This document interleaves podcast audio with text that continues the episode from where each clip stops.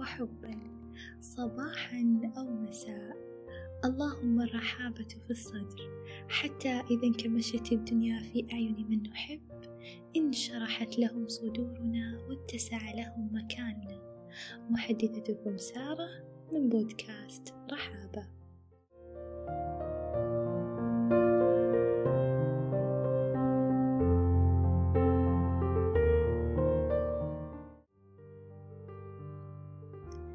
حي الله القلوب العالية الذوق باختيارها لهذا البودكاست. حي الله الأرواح المجاهدة التي لم تدخل لهذه المساحة إلا لغاية تحسين وتمكين. أهلا وسعدا وحبا مجددا بكم فردا فردا. الامتنان. وما ألطفها من مفردة. توقف للحظة. واسأل نفسك ماذا يعني لك الامتنان؟ وفي أي مقام أقمته في حياتك؟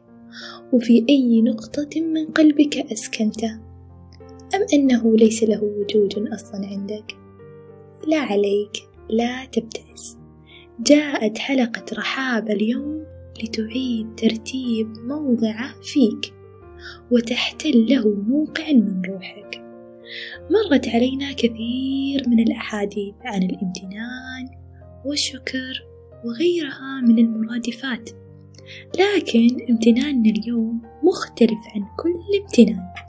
لذلك حضروا أكواب الشاي واسترخي وتمتع. أولا أنا ممتنة وجدا لحضوركم ووقتكم واختياركم لمساحة رحابة. لتكون جزء من يومكم الثمين. الامتنان لا يقتصر معناه على الشكر وحسب فهو في نظري كحديقة مزهرة بكل المشاعر. لها سور ممتد رحب يضم لكم بين جنبيه السكينة في كل شيء تقصدونه. في الأماكن في الرفقة وفي الأيام يحنو عليكم ألا يمسكم فزع ولا شك ولا خيبة. معه تغمر الطمأنينة قلوبكم وتحفكم كشيء يحمي. الامتنان أسلوب حياة. فالدنيا تهوى الامتنان. وكل ما زاد شعور المرء بالامتنان زاد الخير الذي يحصل عليه.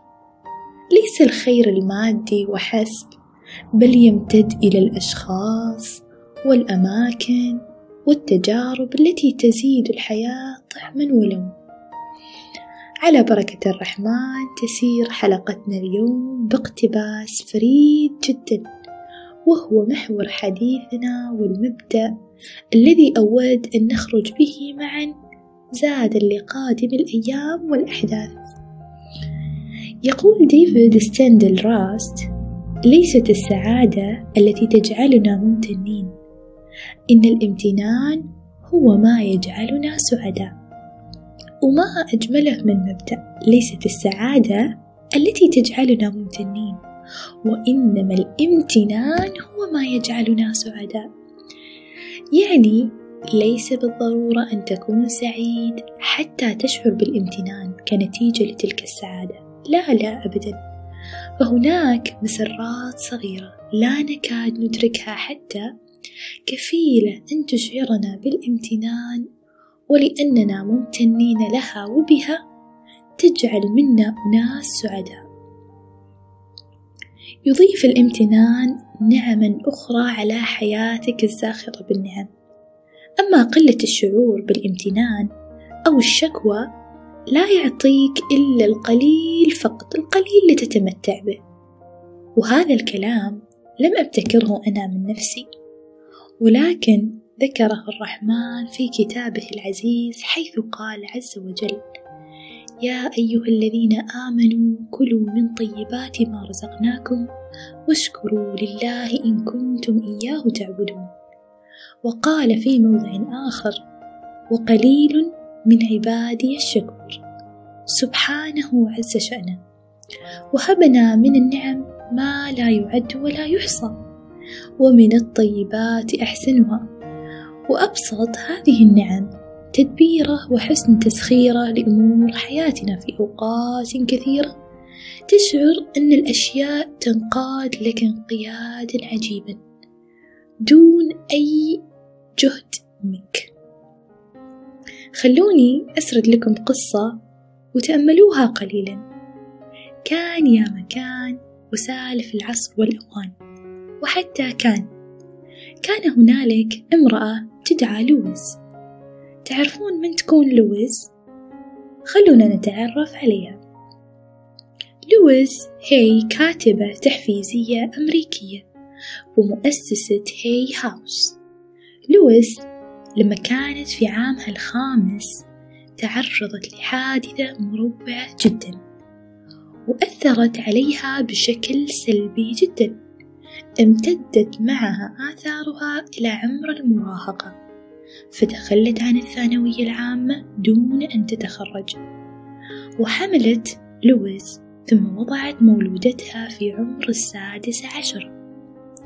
وبعد وضعها لمولودتها تخلت عنها للتبني وانتقلت فيما بعد إلى شيكاغو حيث عملت في وظائف متدنية الأجر.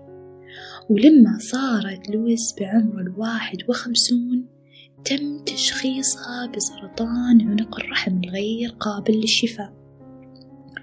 وما شد انتباهي في قصة حياتها مع كل هذه المآسي التي واجهتها إلا أنها كانت تمارس الامتنان كأسلوب حياة تحكي لويزا في مقابلة لها مع تايمز نيويورك أن أول شيء تقوم به عند استيقاظها من النوم وحتى قبل أن تفتح عينيها هو أن تمتن لفراشها تمتن على فراشها لماذا؟ تمتن لفراشها على نوم ليلة هادئة عليه فهي ممتنة لدفئه وراحته. ومن هذا المنطلق كلما سارت لويسا خلال يومها تفكر بكل الأشياء التي تدين لها بالامتنان. وبنهاية اليوم وهي عائدة إلى فراشها تكون قد عبرت عن امتنانها لقرابة ثمانين مائة من مختلف الأشخاص والأماكن والخبرات والتجارب في حياتها وتعبر لويزا عن هذا التمرين بأن يملأها بالدفء ويجعلها تخلد إلى النوم كالطفل السعيد. وفي قصة أخرى كانت هنالك سيدة تدعى جوان. جوان برونسيسكو وهي رئيسة إحدى المؤسسات الخاصة بوسائل علاج العقل والجسد وأستاذة في كلية الطب بجامعة هارفارد. قررت جوان في أحد أيام الشتاء الصافية أن تخرج للتنزه وكانت السماء تعكس ظلا من لونها الأزرق العجيب والشمس ترسل أشعتها وكأنها ذهب منصهر على فروع الأشجار. واللون الأخضر يحيط بها من كل مكان التفتت له عينها. فكانت منجذبة بشدة لهذا الجمال. وفي نفس الوقت كانت تحاول بهذه النزهة تهدئة نفسها قبل أن تقود سيارتها إلى المستشفى المحلي لإجراء فحص على الصدر. كانت تراجع في عقلها قائمة طويلة من الاحتمالات المرضية المؤلمة التي يمكن أن تشخص بها. وكانت جوان تعاني من نواحي أخرى في حياتها بالإضافة للجانب الصحي. فاجتمعت كل مشاعر الخوف والإحباط والغضب مع الصخب الذي يوجد بداخل صدرها. ليرافقوها في نزهتها عندما كانت تحاول أن تنعم بسير هادئ وعقلاني قبل موعد الفحص. لكن أفاقها من أفكارها السيارة المسرعة وهي تصدمها من الخلف. وبدلا من الصور والأفكار المتواجدة في رأسها بدأت تتخيل أنها في حجرة الطوارئ بالمستشفى. والأطباء يفحصون آثار الصدمة ويحقنوها بجرعات من الأدوية والعقاقير وأن موعد الفحص المقرر ضاع منها. فتحسست ملابسها متوقعة أن تجد يدها ملطخة بالدماء بعد الصدمة لكنها وجدتها نظيفة تماما. فدفعها الأمل أن تقف على قدميها بعد اصطدامها بالسيارة. وتتوارى خلف الشجيرة لتفحص مكان الإصابة. فوجدت بعض الكدمات البسيطة. اندهشت بعدم وجود جروح وبكت من السعادة. ثم خرجت من وراء الشجيرة ويملأها امتنان لا حدود له. فلن تدخل غرفة الطوارئ ولن تحقن بالعقاقير ولن تفوت موعد الفحص. لأنها بخير بعد اصطدامها بالسيارة. تقول جوان وهي تحكي قصتها على الرغم من أن هذه الحادثة مروعة إلا أنها جعلتني أفيق من هذا السفه. وأستشعر أشعة الشمس على وجهي والرياح تمر بين شعري. فأنا على قيد الحياة والعالم جميل من حولي. أحست جوان أن الغشاوة سقطت عن عينها ووجدت نفسها مغمورة بالامتنان لهبة الحياة. فكل نفس يحمل قيمة وكل خطوة تحمل معجزة بلا شك. حقيقة في الحياة توجد مسرات صغيرة جدا جدا لكن لو تأملتموها لغمركم الامتنان وأحاطكم بذراعيه حتى تغدو كل صغيرة في عينكم تساوي الكثير. هذا هو الامتنان الذي قصدته. باختصار له مفعول كالعصا السحرية. يحول كل شعور صغير وليد إلى كبير مضاعف. يملأ أرواحكم بالسرور والبهجة والحبور وهو بالفعل كمحول السرعة في السيارة الذي يحول حركاتنا العقلية من الهواجس إلى السكينة ومن الجمود إلى الإبداع ومن الخوف إلى الحب.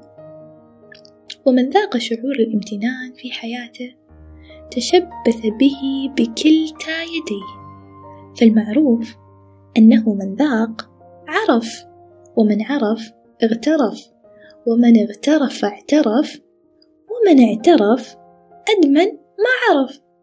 يحتاج المار أن يمتن حتى للدروس التي يتلقاها وألا يهرب منها. فهي بمثابة الكنوز التي تقدم لنا على طبق من ذهب. كلما تعلمنا منها تغيرت حياتنا للأفضل. سواء كان هذا الدرس يعتبر مشكلة ظهرت فجأة أو فرصة لمعرفة نموذج سلبي وقديم بداخلنا. فقد حان الوقت الآن للتخلص منه والتمتع بالحياة. هذه الحلقة دعوة لتخصيص أكبر عدد من اللحظات كل يوم للتعبير عن الامتنان لكل الخير الذي يملأ حياتنا سواء كان لديك القليل أو الكثير من النعم. كن ممتنا لها بصدق فهذه النعم تزداد بالامتنان. ولئن شكرتم لأزيدنكم ولا يوجد أصدق من الوعود الربانية. ابدأوا من اليوم ومن هذه اللحظة حتى في عمل مذكرة للامتنان. وسجلوا بها يوميا شيئا تمتنون لأجله. وبشكل يومي أخبر شخص عن مدى امتنانك لشيء ما. أخبر البائعين والموظفين والأصدقاء والأهل وحتى الغرباء عن شعورك بالامتنان. وشارك في معرفة سر هذا الشعور. دعونا نجعل من هذا العالم عالما من الامتنان عالما من الأخذ والعطاء المصحوبين بالشكر والامتنان لكل الناس. يا أحبة القلب دائما لتكونوا سعداء مارسوا الامتنان في حياتكم على كل شيء. وأوله الامتنان لقيمة أنفسكم. وأن تعرفوا حقيقة الجمال الذي بداخلكم. الامتنان بكل شيء خاص بكم. فريد ومختلف تمتلكونه.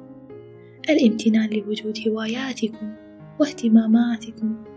وألا تشعروا بالخجل منها مهما كانت غريبة. امتن لكونك أنت أنت فحسب دون أن تؤثر فيك همهمات العالم من حولك. امتن لوجود الأهل والأحبة الامتنان بقبولك بين الناس لدفء المنزل ووجود سقف على رأسك يؤويك. والامتنان لوجود الحب والخير دائما.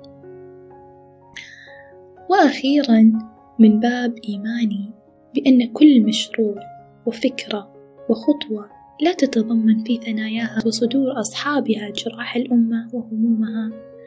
وأن تكون جزء من خطة السير والعمل فهناك ثغرة لا تكمل الثغر بل تطفئه في الأصل.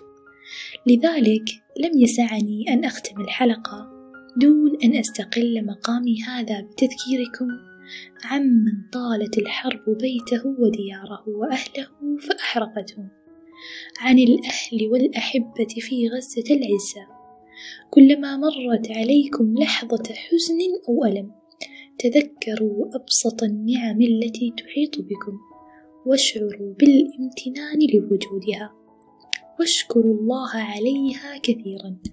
واسألوه أن يدمها عليكم وأحبتكم.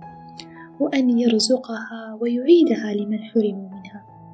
إياكم إياكم أن تفقدوا الامتنان لحظة.